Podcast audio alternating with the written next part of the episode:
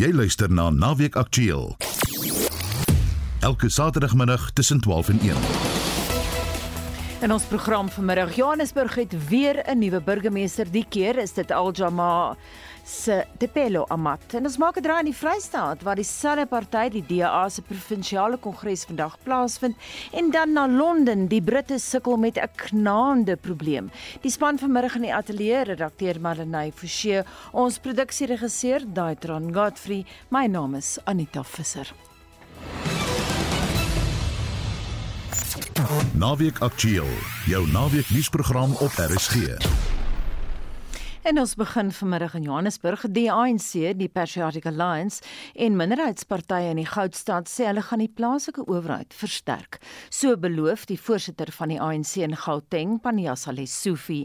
Hy en ander koalisievennote het die media toegespreek kort na die aanstelling van die nuwe uitvoerende burgemeester Tapelo Amat. Marlenae Forsie het meer besonderhede.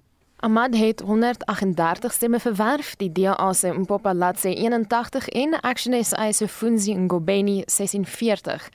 Ahmad sê hy gaan hom daarop toespits om die stad se finansies te stabiliseer en korrupsie teen te staan. Hy gaan ook basiese dienslewering soos die herstel van slaggate en rioolstortings prioritiseer.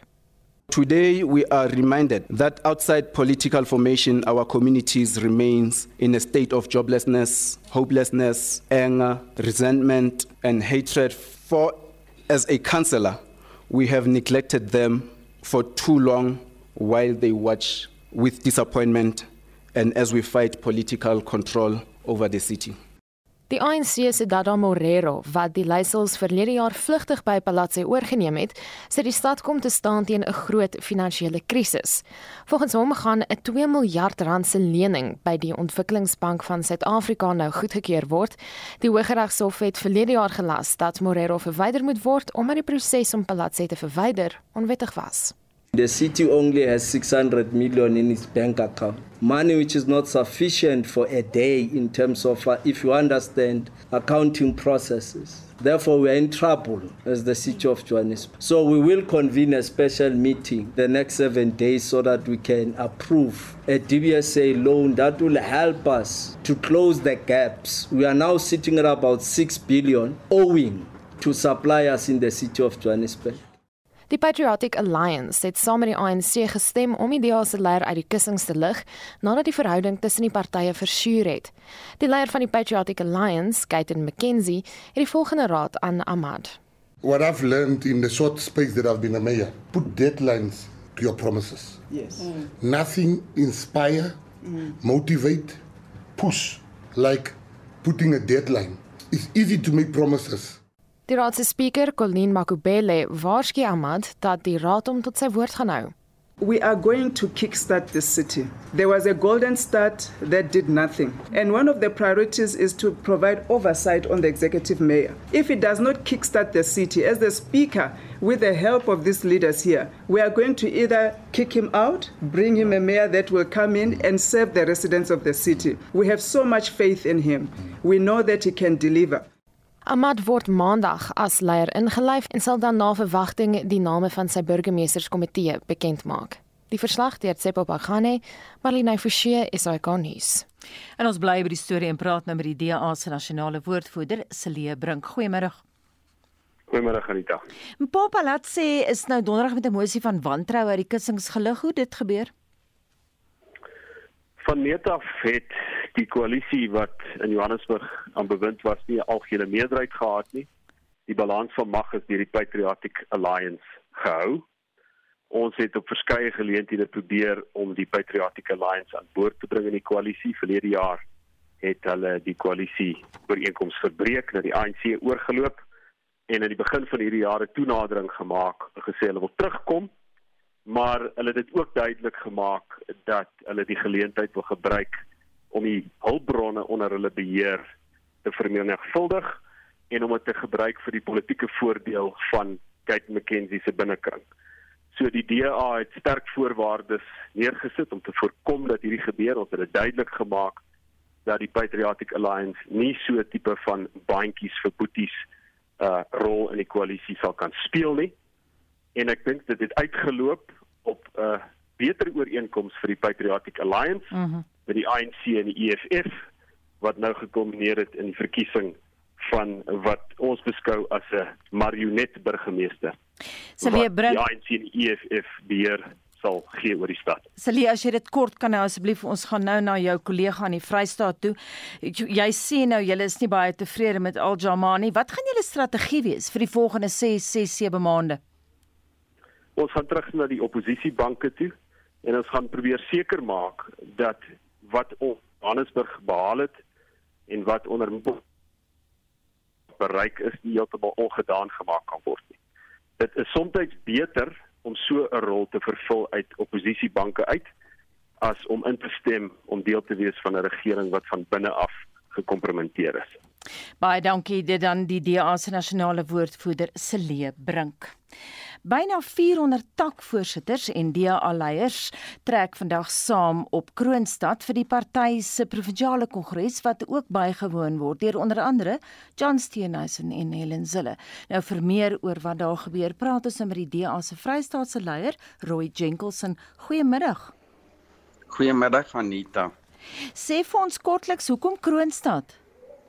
Ons het Kroonstad gekies omdat ons baie trots is op die mense van Kroonstad en hoe hulle saamgewerk het om die dorp skoon te maak en dan ook die dorp van die jaar te word. Kwela se dorp van die jaar. So ons het besluit om juis ons kongres hier te hou om um ook aandag te vestig op wat gedoen kan word wanneer 'n gemeenskap saam staan mm. en 'n besluit neem om hulle dorp te verbeter. Rooi, ons het baie vrae as jy kortliks kan antwoord. Julle het blykbaar 'n unieke Vrystaatse manifest voorberei. Hoe verskil dit van die ander provinsies sin? Ons is die eerste provinsie wat 'n uh, provinsiale kongres hou. So ons weet nog nie hoe die ander provinsies se resolusies gaan lyk nie, maar ons resolusies is toe toekomstig um, of toekoms gebaseer Ehm um, dis die laaste kongres voor ons verkiesing in 2024. Ons gaan die ANC onder 51% bring en meeste van ons resolusies is gebaseer op wat ons gaan doen indien ons deel sou wees van 'n regering in die Vrystaat. Rooi, wat is julle grootste probleme in die Vrystaat? Ek weet daar is die ou rioolwaterprobleem. Bloemfontein is al vir jare in die kollig daaroor, maar in terme van ander probleme, wat is vir jou prioriteite? Die probleme wat ons ervaar in die, in die Vrystaat um, is meestal te doen met munisipaliteite. So ons resolusies hanteer ingryping deur die provinsiale regering in munisipaliteite wat faal in hulle dienslewering staak. Ons paai is 'n geweldige probleem in die Vrystaat en ons het resolusies om dit te hanteer en dan is daar ook resolusies rondom gesondheidsorg, um, onderwys en 'n aantal ander aangeleenthede. Ek bly verwys nou na die paaie baie groot probleme in die Vrystaat en dit veroorsaak dat van julle dorpe eilandekonomieë geword het of hoe? Ja, ehm um, van ons dorpe is ontoegankbaar as gevolg van baie dorpe byvoorbeeld soos Rosendal wat 'n pragtige toerisme dorpie is ehm um, sy ekonomie is besig om heeltemal te te in daai te stort omdat dit baie mo moeilik is as gevolg van die swak paai om by by daai dorp uit te kom. Henneman is nog so 'n dorp. Ons Kersiefees het groot skade gekry omdat die paaie wat na Ficksburg toe lei baie swak is. Ehm um, en dan ook ehm um, ander paaie in die Vrystaat waarop ons landbousektor afhanklik is um, is in 'n is in haglike toestande van hulle is lewensgevaarlik en dit behoort vir 'n regering 'n prioriteit te wees. Rooi, julle sien in die wetgewer in Bloemfontein het nou gegroei tot 6 setels. Ek weet die EFF staan op 4. Hoe kan julle 'n meer effektiewe oppositie word? Ek verstaan daai effektiewe oppositie is 'n soort credo vir julle nou. Ja, ek dink die afgelope paar jaar was ons 'n baie effektiewe oppositie en as gevolg daarvan het ons gegroei aanvanklik toe die DA gestig is van 2 lede in die wetgewer en ons sit nou met 6 lede. Ons het verlede met die vorige verkiesing ook 'n ekstra lid gekry. Die EFF is die tweede grootste oppositieparty met 4 in die Vryheidsfront het een setel en ons hoop om met hierdie verkiesing verder te groei. Waar lê julle steun? Ek weet julle het bietjie groei in die Kwakwa of hoe of in Kwakwa Ja, liewer. ons het in die vorige verkiesing redelik goed gedoen in daai gebied. Mhm. Ehm um, en ons hoop om verder daar te groei want ons moet ons ons magsbasis diversifiseer en ons is op hierdie stadium die mees diverse party in in die Vrystaat en in Suid-Afrika en ons is baie trots daarop. Maar baie van ons steun in die Vrystaat kom ook uit ons groter um, plekke, ons stad soos Bloemfontein, plekke soos Welkom, um, Kroonstad, Parys, Sasolburg, Bethlehem en so meer, maar ons is ook besig om in die platteland redelik goed te groei. As jy môre aan bewind sou kom, waar sou jy begin? Wel die eerste ding wat ons moet doen as ons die provinsie oorneem is om die administrasie um vaartbelyn te kry. Ons het te groot administrasie. Ons sal die portefeuilles afbring van 11 portefeuilles na 6 portefeuilles toe en ons sal um die geld wat ons spaar sal ons dan bestee op 'n padinfrastruktuur want as ons 'n goeie padinfrastruktuur in die Vrystaat het, sal die privaat sektor die res doen, die werk skep en ons ekonomie bou. Baie dankie. Ons sal sekerlik kyk wat in April gebeur. Dit dan Roy Jenkinson, hy's leier van die DA in die Vrystaat. Jy luister na Naweek Aktueel elke Saterdagmiddag tussen 12 en 1. Te midde van Suid-Afrika se kragkrisis is daar nou nog rede tot kommer. Die Amerikaners wil nie meer kernbrandstofkomponente aan Kuiberg verskaf nie. Die vorige ooreenkoms vir samewerking in die verband het op 4 Desember verlede jaar verval. Vir die implikasies hiervan praat ons nou met Corneel Skabort, voormalig van Noordwes Universiteit se skool vir chemiese en mineraal ingenieurswese, maar hy tree nou as onafhanklike konsultant en ontleder op. Goeiemiddag. Middag Anita. Corneels, hoe groot is die terugslag?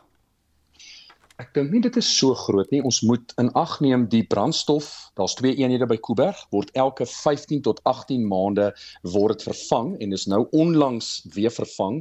Met ander woorde ons het omtrent 'n jaar en 'n half om hierdie probleem aan te spreek en dan moet ons ook weet die manier hoe daai brandstofkomponente in Suid-Afrika uitkom. Westinghouse wat Amerikaans is, hulle verskaf zirconiumbuise aan Swede en ons voer dit dan basies van Swede af in. So daar is gebeurlikheidsplanne wat getref kan word en dan kan die Swede uit die aard van die saak daai deel wat uit die FSA uitkom dalk elders in die hande kry en dan kan ons dit na Suid-Afrika toe invoer. So ek ek dink nie dit is iets om oor bekommerd te wees nie. Ek dink daar's wel vrae te vra oor hoekom hierdie kontrak nie hernie is nie, maar dit laat groot ruimte vir spekulasie. So ek dink nie hierdie gaan 'n uh, probleem wees nie. Hoopelik gaan dit aangespreek kan word. En ek bedoel as dit regtig so erg is, Suid-Afrika het die kapasiteit in die verlede gehad om ons eie kernbrandstof op te wek, maar dit is al hier in die 70er jare is dit opgehou. So as dit regtig so erg gaan, kan ons dit seker self weer begin doen, maar dit gaan 'n groot koste implikasie wees. So daar sal moet gekyk word na alternatief Anita. Jy praat nou van uh, spekulasie, maar ek weet jy is ingelig. Kan jy vir ons ingelig spekuleer oor hoekom die Amerikaners dit doen? Wel ek vermoed en ek, ek sê hierdie maar as 'n uh, spekulatiewe stelling. Ek wonder hoeveel dit hierdie dalk te maak met die geopolitiese keuse wat Suid-Afrika gemaak het om hulle nie openlik uit te spreek teen Rusland in die konflik met Oekraïne nie en of dit dalk 'n manier is vir die FSA om druk op Suid-Afrika uit te oefen, maar weer eens Suid-Afrika is ook nie so groot vis in die politieke wêreld nie. So ek ek vermoed nie noodwendig dit is dit nie, maar feit van die saak is daai kontrak kan dalk hernu word later weer of Amerika dalk het Joe Biden bietjie geslaap. Ek weet nie, maar die feit van die saak is daai kontrak is nou nie meer in plek nie. Iets heel anders, uh, Corneel se Eskom het die week aangekondig dat hulle beplan om onafhanklike kragverskaffers in Mpumalanga se taak te vergemaklik. Ek het die uiterse kort media vrystelling gesien, maar ek weet jy het meer agtergrond. Wat poog hulle? So die voordeel van hierdie is, ons moet nou weet, ideaal vir wind en son is die Noord en die Oos-Kaap, maar om daai onafhanklike kragprodusente se son en wind op die nasionale netwerk te kry het jy transmissielyne nodig en ons weet reeds die kapasiteit van daardie transmissielyne is 100%. So ons kan nie meer uit die Noord en die Oos-Kaap soos dinge tans staan nog son en windkrag tot die netwerk voeg nie. So wat Eskom dan nou doen is, hulle neem hierdie steenkoolstasies wat in elk geval uit bedryf gestel gaan word en land grond rondom hierdie stasies stel hulle dan beskikbaar vir privaat individue wat dan by hulle die grond huur en dan daai elektrisiteit koppel aan die nasionale netwerk. Nou ek gaan net 'n voetnota daaroor maak, maar dit beteken daar's byvoorbeeld nie 'n groot omvattende omgewingsimpakstudie nodig nie omrede daai land reeds geoormerk was hmm. vir kragopwekking. En die netwerk is reeds in plek en daar is kapasiteit want Mpumalanga het die massiewe transmissiekapasiteit, so dit maak dit makliker. Nou, dit beteken nie dat daardie elektrisiteit wat opgewek word deur Eskom gekoop gaan word nie. Inteendeel, die voorvereiste is dat hulle dit dan of vir hulle self opwek, so 'n 'n mynmaatskappy kan byvoorbeeld sit in die Noordwes provinsie en uit in Mpumalanga dan hulle krag so basies deur Eskom se infrastruktuur invoer teen 'n koste natuurlik of jy kan dalk dit daar opwek en dit aan 'n munisipaliteit in die Wes-Kaap verkoop as dit die keuse is wat jy wil maak. Maar dit beteken hulle praat van so om en by 500 megawatt, dis 'n halwe fase beurtkrag en uh, dit behoort te kan help omdat dit op 'n kort termyn dit kan vinniger. Ons praat van hierdie 12 tot 18 maande proses. Ek dink die die die die tenders sluit mm -hmm. op die 27ste mhm. Februarie, so daar's 'n maand en en dan van daardie af praat dit van enigiets van 12 na 18 maande. Maar weer eens, ek bedoel dis daai klassieke woorde wat mense hoor 12 na 18 maande 18 maande na 2 jaar. Mm. dit is ongelukkig die tydperk wat Suid-Afrika regtig gaan worstel steeds met beurtkrag.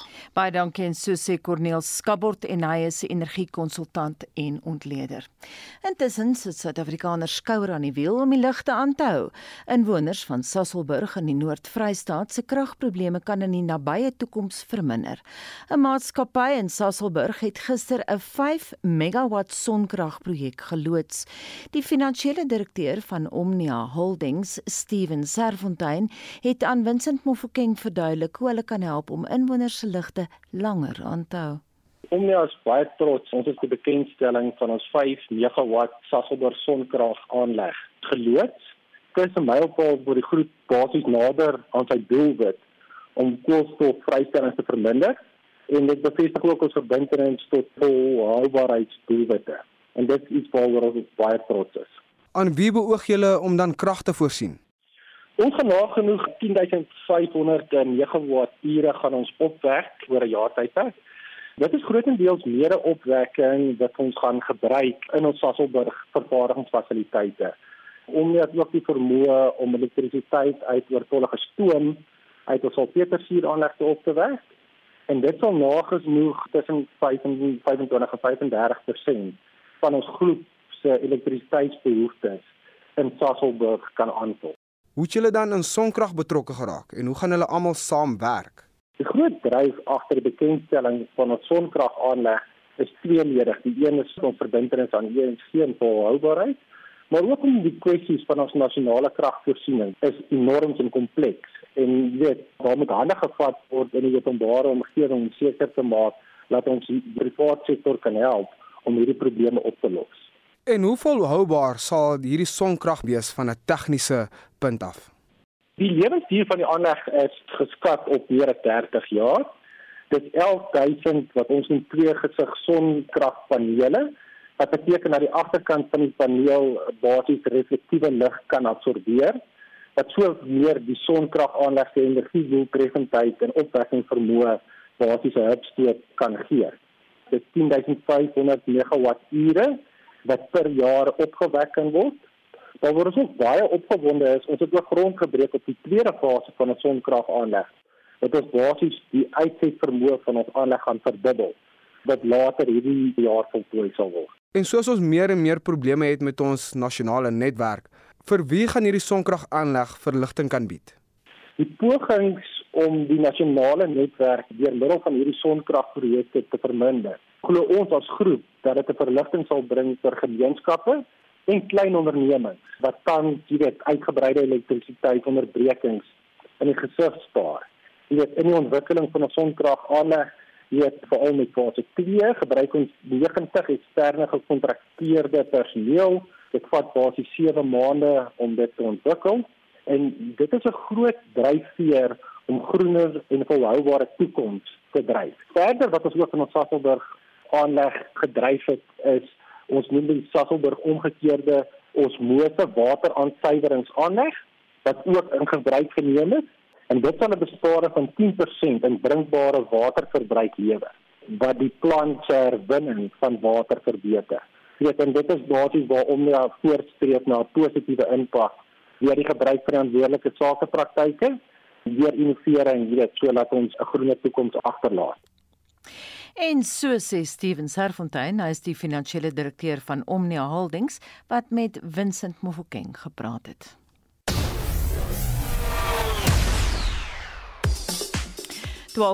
en hier is Christo Gawie met die jongste sportnuus. Goeiemiddag. Die Blitsbokke het Nieu-Seeland nalskraap met 17-14 geklop in die Sydney Sevens toernooi.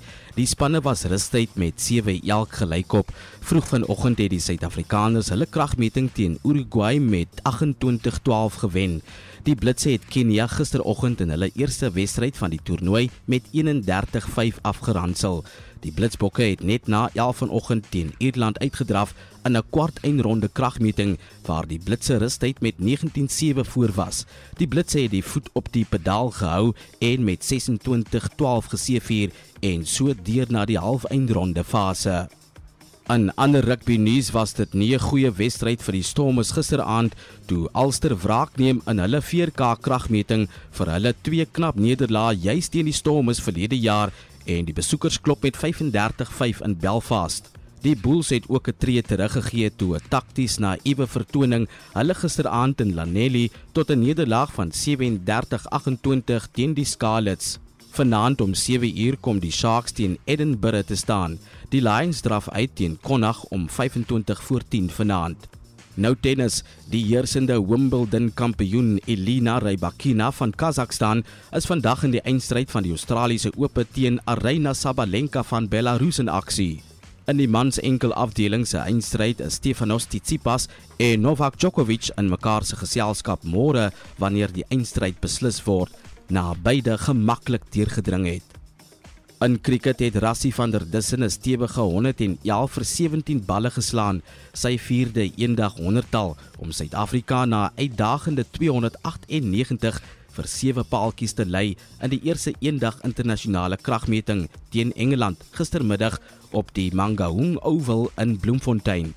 Die tweede wedstryd kom môre oggend om 10:00 aan die gang. Vanaand om 7uur kom die 5de T20 kragmeting tussen die SA vroue Proteas en Indië aan die beurt.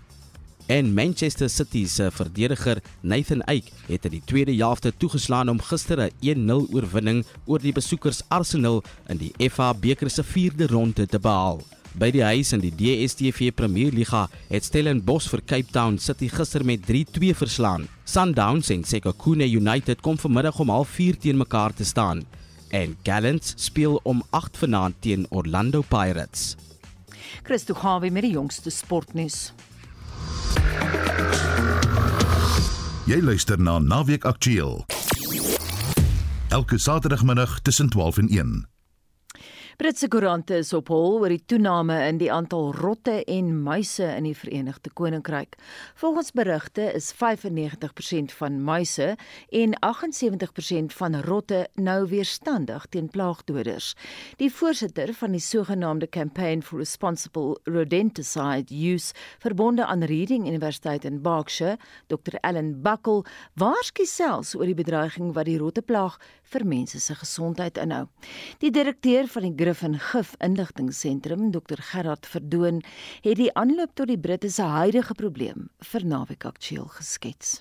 Die probleem met die muise wat weerstand opgebou het in die eerste klomp knaagdoders wat in daardie tyd almal warfarin bevat het, baie langer as 20 jaar hoor. Ek is al van seker is amper 30 of 40 jaar wat die probleem aankom. En dit is omdat muise se biologie, hulle eetbiologie verskil radikaal van die van rot. As muise eet 'n bietjie hier, eet 'n bietjie daar. Met ander woorde, die muis kry nooit werklik waar 'n baie goeie dodelike dosis van die aktiewe bestanddeel in nie. En as jy enige organisme 'n klein bietjie op 'n slag van 'n chemiese plaag te doseer, dan kan die bevolking die weerstand opbou oor 'n redelike kort periode van tyd. Aan die ander kant rotte is anders. Hulle eet hulle self dik as hulle by 'n lekker plek kom aan die kos en anderswoorde 'n rot eet baie makliker dodelike doses en daarom het hulle weerstand baie stadig ontwikkel. Nou wat toe gebeur het toe die eerste tekens begin kom het in die Verenigde Koninkryk en party plekke in Europa, eintlik maar die Verenigde Koninkryk, het hulle begin om daai eenvoudige warfarin molekules te vat en te modifiseer want mens kan chemies die molekules modifiseer en toe kom hulle uit met wat ons noem die eerste generasie antikoagulante en toe 'n paar jaar later die tweede generasie antikoagulante. Nou hierdie is coumaryl derivate, dieselfde as um warfarin wat ander chemiese entiteite byvoorbeeld broom of kloor of fluor of selfbenzeenringe bevat wat die goed meer aktief maak teen die muise. Die probleem is egter dat hulle is almal dieselfde chemiese klas. In ander woorde, almal is van die coumaryl derivaat tipe van kanaatiedoders. So die muise wat weerstand opgebou teen die warfarin, het outomaties al klaar weerstand gehad teen die super warfarin tipe van goedes en alhoewel hulle beter gewerk het, en die meise vanaand uitgeklop het, was die weerstand steeds daar. So die weerstand het stadiger gebeur, maar nog steeds ontwikkel en ontwikkel waar hulle vandag staan by oor die 97% in terme van die weerstand by die meise, juis omdat die meise so snaaks eet. So ek is nie verstom daaroor nie. Ons het nie dieselfde probleem in Suid-Afrika nie. Ons in Suid-Afrika het 'n verskriklike rotontploffing.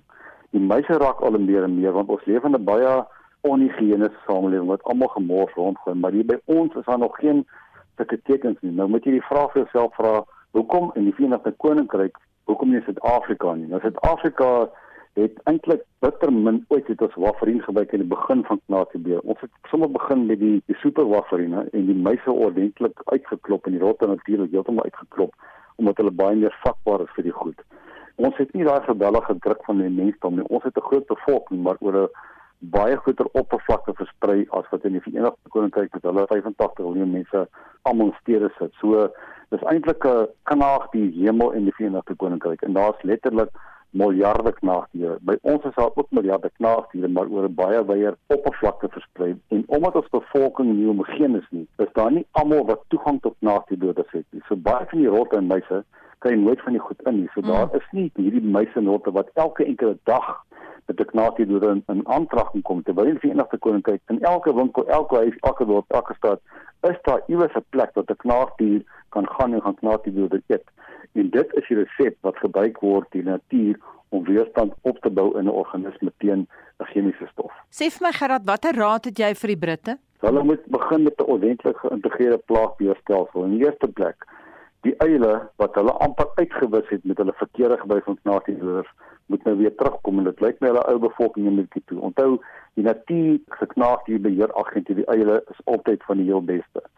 Dan moet hulle begin om te kyk om die antikoagulante wat hulle gebruik, met ander woorde die coumaryl derivate af te wissel met 'n indaan die oonneet derivate wat 'n ander vorm is van 'n knatiedode en ook miskien af te wissel met 'n Vitamiin D of dan 'n kolikalsifrol wat in 'n hoë dosis 'n heeltemal ander metode van werking het. Dieselfde met insetdoders. As jy begin sien dat 'n bepaalde inset, kom maar byvoorbeeld sê die herskomandewurm, het 'n weerstand teen organofosfate en peptiede. Dan kom jy in met 'n diamiet of jy kom in met 'n ander tipe van van 'n insetdoder wat 'n hele ander chemiese werking het om daai weerstand te breek. Jy doen dit op geïntegreerde plaagbeheerstelsel wat jy natuur gebruik. Jy gebruik chemiese metodes maar ander metodes van werking. En moenie vergeet nie ons het nog steeds rotvalletjies en muisvalletjies wat mm. ook gebruik kan word. En ek dink ons as mense het slap geraak oor die laaste 30 40 jaar. Ons gooi al terug na chemie toe. En chemie is nie die be all and end all van die samelewing daar is ander metodes om knaagdiere mee te beheer. Maar wat ek ook wil bysê en dit gaan ook vir die hele Brittanje vir ons ook in Afrika ons moet die higiëne begin opknap want as jy onhigienis leef met rommel wat die hele plek vol lê, dan skep jy 'n fantastiese leefplek vir rotte en muise en hulle ontplof en dan gaan geen knaatie deur in elk geval die probleem vir jou oplos nie. Ek verstaan daar's 'n rotteplaag in Alexandra in Johannesburg. Ek het een aand het ek per ongeluk die verkeerde afgevat met 'n deur Alexandra gery en dit was absoluut verstom. My motor se ligte het op die grond geskyn en daardie swart mat van breinrotte wat die hele wêreld vol geleef het, het gewemel van die rotte. So lyk dit in baie ander plekke. As jy hier afgaan in die onderste gedeelte van Johannesburg, daar wat hulle noem downtown Johannesburg en so aan, mm. in die nagte is dit een mat van rotte. Dit is op die plase, dit is in die huise. Daar's nie 'n huis in Suid-Afrika wat nie rotte en muise het nie. Hmm. So ons het in Suid-Afrika 'n dreigende krisis wat kom met rotte muise as gevolg van onhigiëniese toestande en rommel en afval wat nie verwyder word nie en oneffektiewe beheerstelsels. So ek is eintlik verstom dat ons nog nie iewers in Suid-Afrika 'n bylepes uitbraak gekry het nie want ek mm. kan nie glo dat ons dit nie gaan kry nie. So daar's die pneumoniese metode wat die longe aanval en daar's die ander een wat die breinselle aanval. So Dit het al gebeur in Madagaskar aan 'n ander plek gebeur in Mosambiek. So ons staan op die rand van 'n moontlike probleem ook as gevolg van hierdie gewellige rotte wat oorneem. En ek kan maar sien met my navraag wat ek vir die publiek afkry, die rot en muis navraag het eksponensieel toegeneem die afgelope 10 jaar. Elke mens maak saak taal, kleur, geloof of wat ook al, almal bel oor rot en die meise neem toe wat ek eintlik nooit in my lewe van tevore gehad het nie. Gerard, jy het vroeër gepraat van onhigiëniese omstandighede veral in Suid-Afrika. Wat van kakkerlakke? Ja, as ek moet vertel die kakkerlak navraag, nou mense kla oor die goed.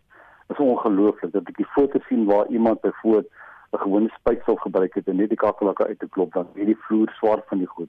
Hmm. En weer ek dit is onverbonde aan taal, kleur of die stand van vlak van die gemeenskap of dit nou in 'n plakkerskamp is of dit in 'n in 'n dierwoongebied iewers in Johannesburg is almal sukkel met kakkerlakke as gevolg van die feit dat ons het die afgelope 2 jaar het ons baie hoë temperature ons het geweldig baie reën gehad en daai skep vir kakkerlakke die ideale omstandighede plus ons leef onhygiënies met rom wat die hele plek vol lê hmm. Die honde en katte se kos is hier plek so ons skep eintlik vir die pest en pla die ideale omgewings en dan begin mense spuit en hulle begin berook en begin goed neersit wat effektief werk. So weet jy, mens moet begin by die begin.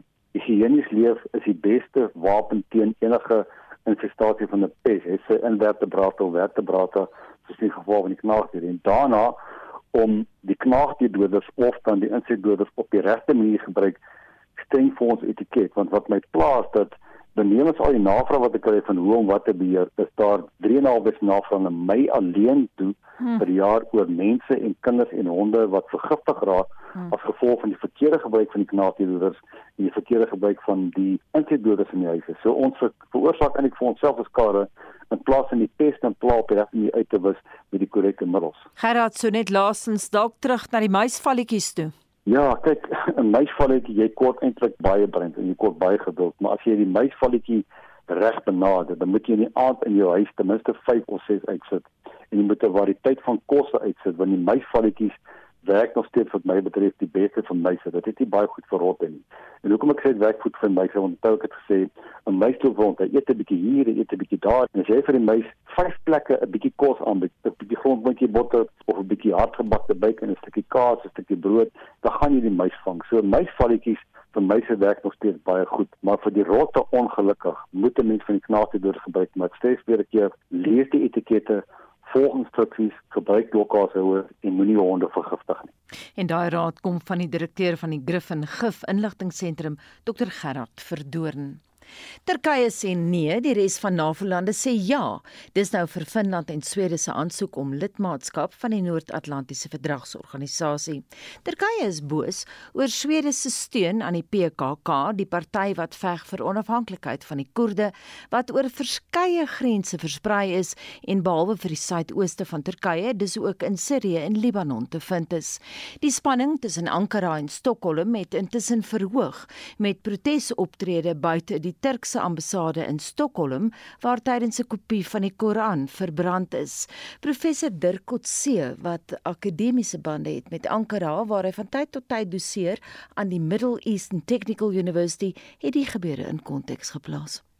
Wat belangrik is is dat daar is 'n formele ooreenkoms tussen Swede, Finland en Turkye sedert Mei verlede jaar vir 'n onderhandelingsproses dat hulle redelik goeie vordering gemaak het daarmee. Die een groot probleem is die uitlewering van persone deur Swede aan Turkye van persone wat vermoed word deur Turkye dat hulle betrokke was by die staatsgreep of gepoogde staatsgreep van 2016. En dis een van die groot komplikasies want Swede weier om hierdie persone uit te lewer. Van hulle is glad nie eers by die PKK betrokke of is Koerde nie. So dit is 'n ander dimensie wat ter sprake is. En dit is iets wat ek dink wat ook eers na die verkiesing weer aangespreek kan word want dit raak nou te sensitief vir president Erdogan om toegewings op hierdie punt te maak voor die verkiesing wat tot sy nadeel kan wees. Kotse het in 'n onderhoud vroeër die week verduidelik hoekom die Koerdiese Werkersparty, ook bekend as die PKK, wat deur meeste EU-lande, Turkye en Amerika as 'n terreurorganisasie beskou word, steeds soveel wrevel in Ankara veroorsaak. Hulle vra vir 'n aanvanklik was dit om onafhanklikheid te kry vir die Koerdiese gebied veral in die suidooste van Turkye. Nou het hulle dit aangepas om eintlik aan te dring op 'n vorm van autonomie in sekere dele van Turkye vir Koerdiese persone. Die organisasie wat dit oor 'n lang periode bevorder het, is die PKK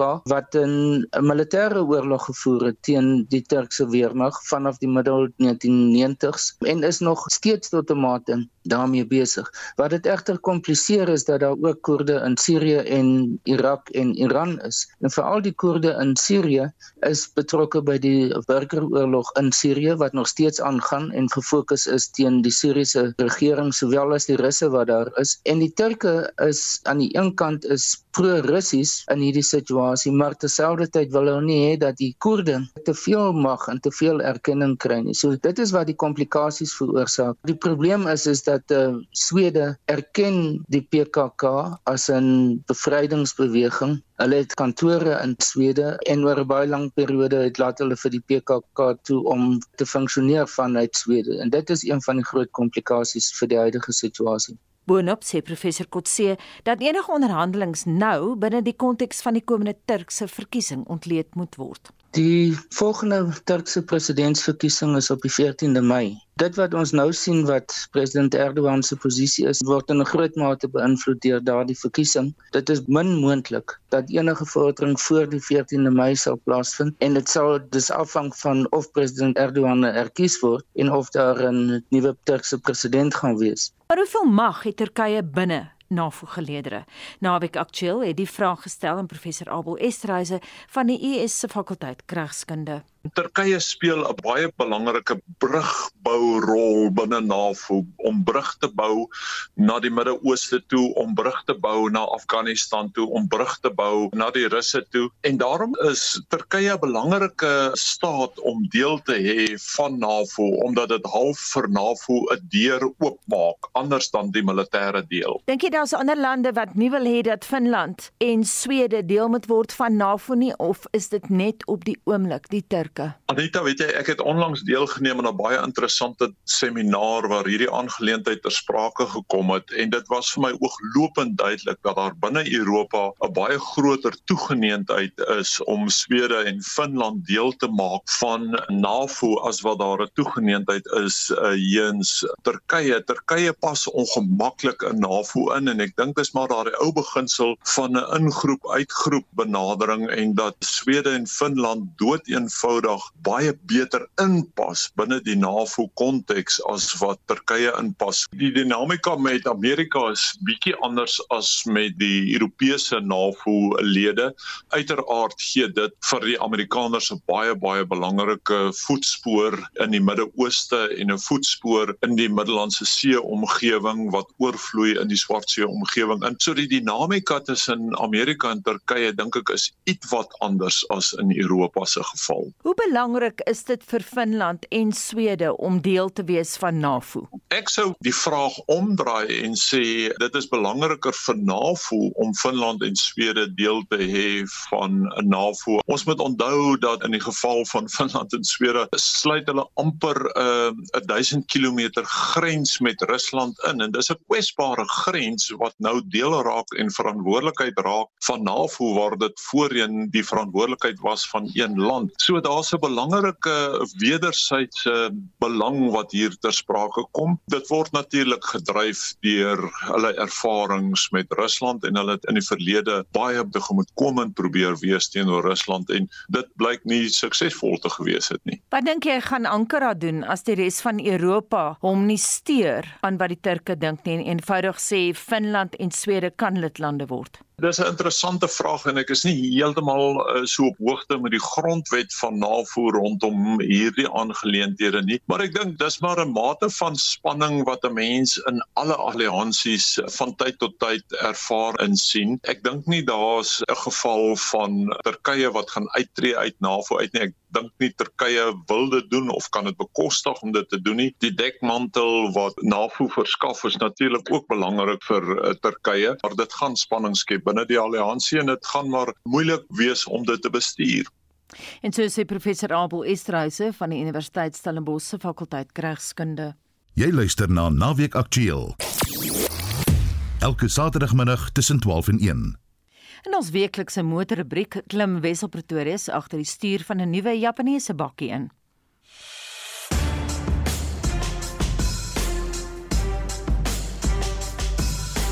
Isuzu se sewende generasie D-Max kom in 'n groot modelreeks, enkel, verlengde en dubbelkajuit weergawe en is konstant die beste 1 ton verkoper naas die Hilux en Ranger. Die nuwe D-Max is 'n aantreklike bakkie, 'n meer moderne neus met 'n aggressiewe sierrooster en sulke draakoog hoofligte. Hoewel die Isuzu nie te veel aan die basiese immergroen voorkoms getorring het nie skuurplate onder voor en agter, vier hegpunthakke in die laairuim en 17 duim alloy wiele. Daar's vier afwerkingsvlakke. Ek het die tweede goedkoopste LS dubbeltjie uitgery met agterwielaandrywing.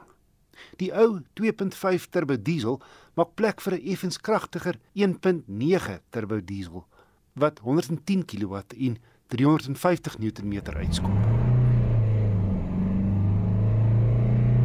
Kraglewering is voldoende terwyl die 6-spoed outomaties goed by die karakter van die laatoere turbo diesel pas.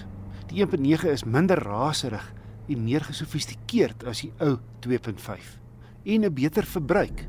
Met die vorige 2.5 5-spoed outo het ek 2 jaar gelede 9,6 liter per 100 km gemeet op my stad en ooppadroete. Met die nuwe 1.9 'n volle liter per 100 km minder. 'n Baie goeie 8,5 op dieselfde roete. Die nuwe D-Max se ritgehalte voel ook vir my beter as sy voorgangers in. Dit skryf ek toe aan 'n plaaslike ontwikkelingsprogram waarin er duisende kilometer afgelê en verstellings gemaak is aan 'n nuwe bladveerstelsel voordat vervaardiging in Kebega begin is. En ook bietjie meer spasie vir insittendes. Ook die binneruim is 'n groot verbetering op die vorige Isuzu en die sitplekke besonder gerieflik en ondersteunend. Die LS afwerking mag dalk laer af in die rangorde lê, maar veiligheidskenmerke is volledig. Sewe ligsakke, stabiliteitsbeheer met traksiekontrole, dagryligte, drie sensors en 'n tribeeld, sleepwa swaai kontrole, wegtrekhulp en afdraande beheer. 'n Ewenaarslot is egter opsioneel. Die LS bied ook tog beheer Apple CarPlay en Android Auto, Bluetooth, ventilasiegate vir die agterste passasiers. En die leerstuur kan nie net op en af nie, maar ook in en uit stel. Negatief is die sentrale skerm is nie die gevorderde tipe nie en die inligting tussen die spoedmeter en toereteller is dalk net te klein. En dan bied die 1.9 nie heeltemal soveel krag as sy Ranger en Hilux ewe knie nie. Maar in geheel gesien, tik die Isuzu D-Max 1.9 LS dubbelkajuit 4x2 outomaties teen R556 000 al die regmerke. Aantreklik, gerieflik, ruim, lig op die sous en na meer as 4 dekades 'n reputasie van 'n rateltaai bakkie. Hy kom met 'n 5 jaar 90 000 km diensplan en 'n waarborg en padbystand van 5 jaar 120 000 km. En die D-Max is pas in die dubbelkajuit afdeling as een van 21 semifinaliste in die motor van die jaar kompetisie aangewys. Die afgelope Woensdag, 25 Januarie, was dit die 42-jarige herdenking van die Lensburg vloed. Nou ons het verlede naweek met Daniel Jacobs, seun van die dorp se NG Kerk Dominee Malan Jacobs gepraat oor hoe die dag begin het. Vir diegene wat daardie insetsel gemis het, Daniel is deur sy pa teruggestuur pastorie toe om na sy ma te gaan omsien, maar laat hy self vertel.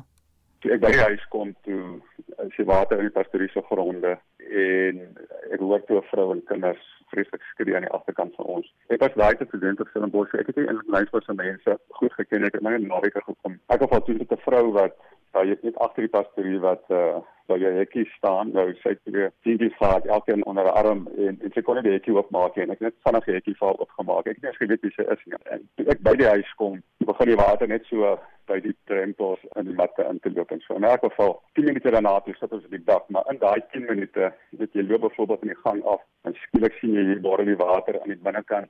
Die volgende oomblik sien jy water spuit uit die kragproppe uit en dan gesit die main switch af En op 'n stadium breek daar 'n groot venster wat binne sekondes as ons halfvry in die water en toe besef ons okay, nou kan ons nie meer goed red aard so goed mee ons moet nou uitkom. Ons beweeg toe na die voordeur toe en toe besef ons skielik maar het 'n deur toe gegaan in 'n gang dat my jongste broer se dogter wat saam met haar ma by ons was die stadium. Alles was vasgekeer aan die een kant van die huis, ons is aan die ander kant. Ek sê my ma vir my maak die deur oop. Toe vat ek aan die deur te besef ek maar gaan nooit die deur oop kry want die water druk net van die ander kant af. Ek besef ek kan doen as ek met die deur probeer skouer.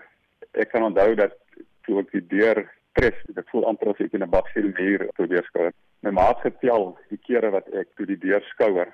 Toe kom my sewende keer tref, net voor die deur toe wel oop gaan, het daar water weer gaan deur die deur. Toe ons by die voordeur uitgaan toe belus nou natuurlik weg van die rivier af stap. Maar toe ek om die huis stap, dit is so dat ons gaan nooit kyk om die water is te sterk.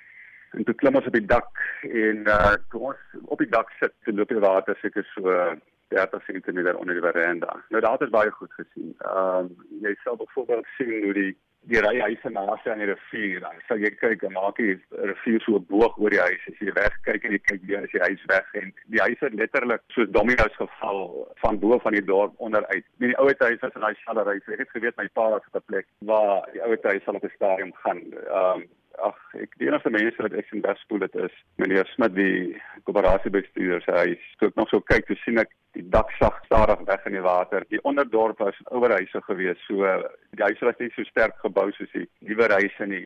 Omdat die water nie vinnig genoeg in die huis ingeloop het, het die drukking te veel geraak. Die huis het letterlik ontplof. Jy sal kyk na die onderdorp, jy sien hoe die fisies die huis ontplof van waar ons gesit het, maar jy sal net skielik so stofwolke in die lug sien optrek. Dan is dit nou 'n huis wat ontplof het.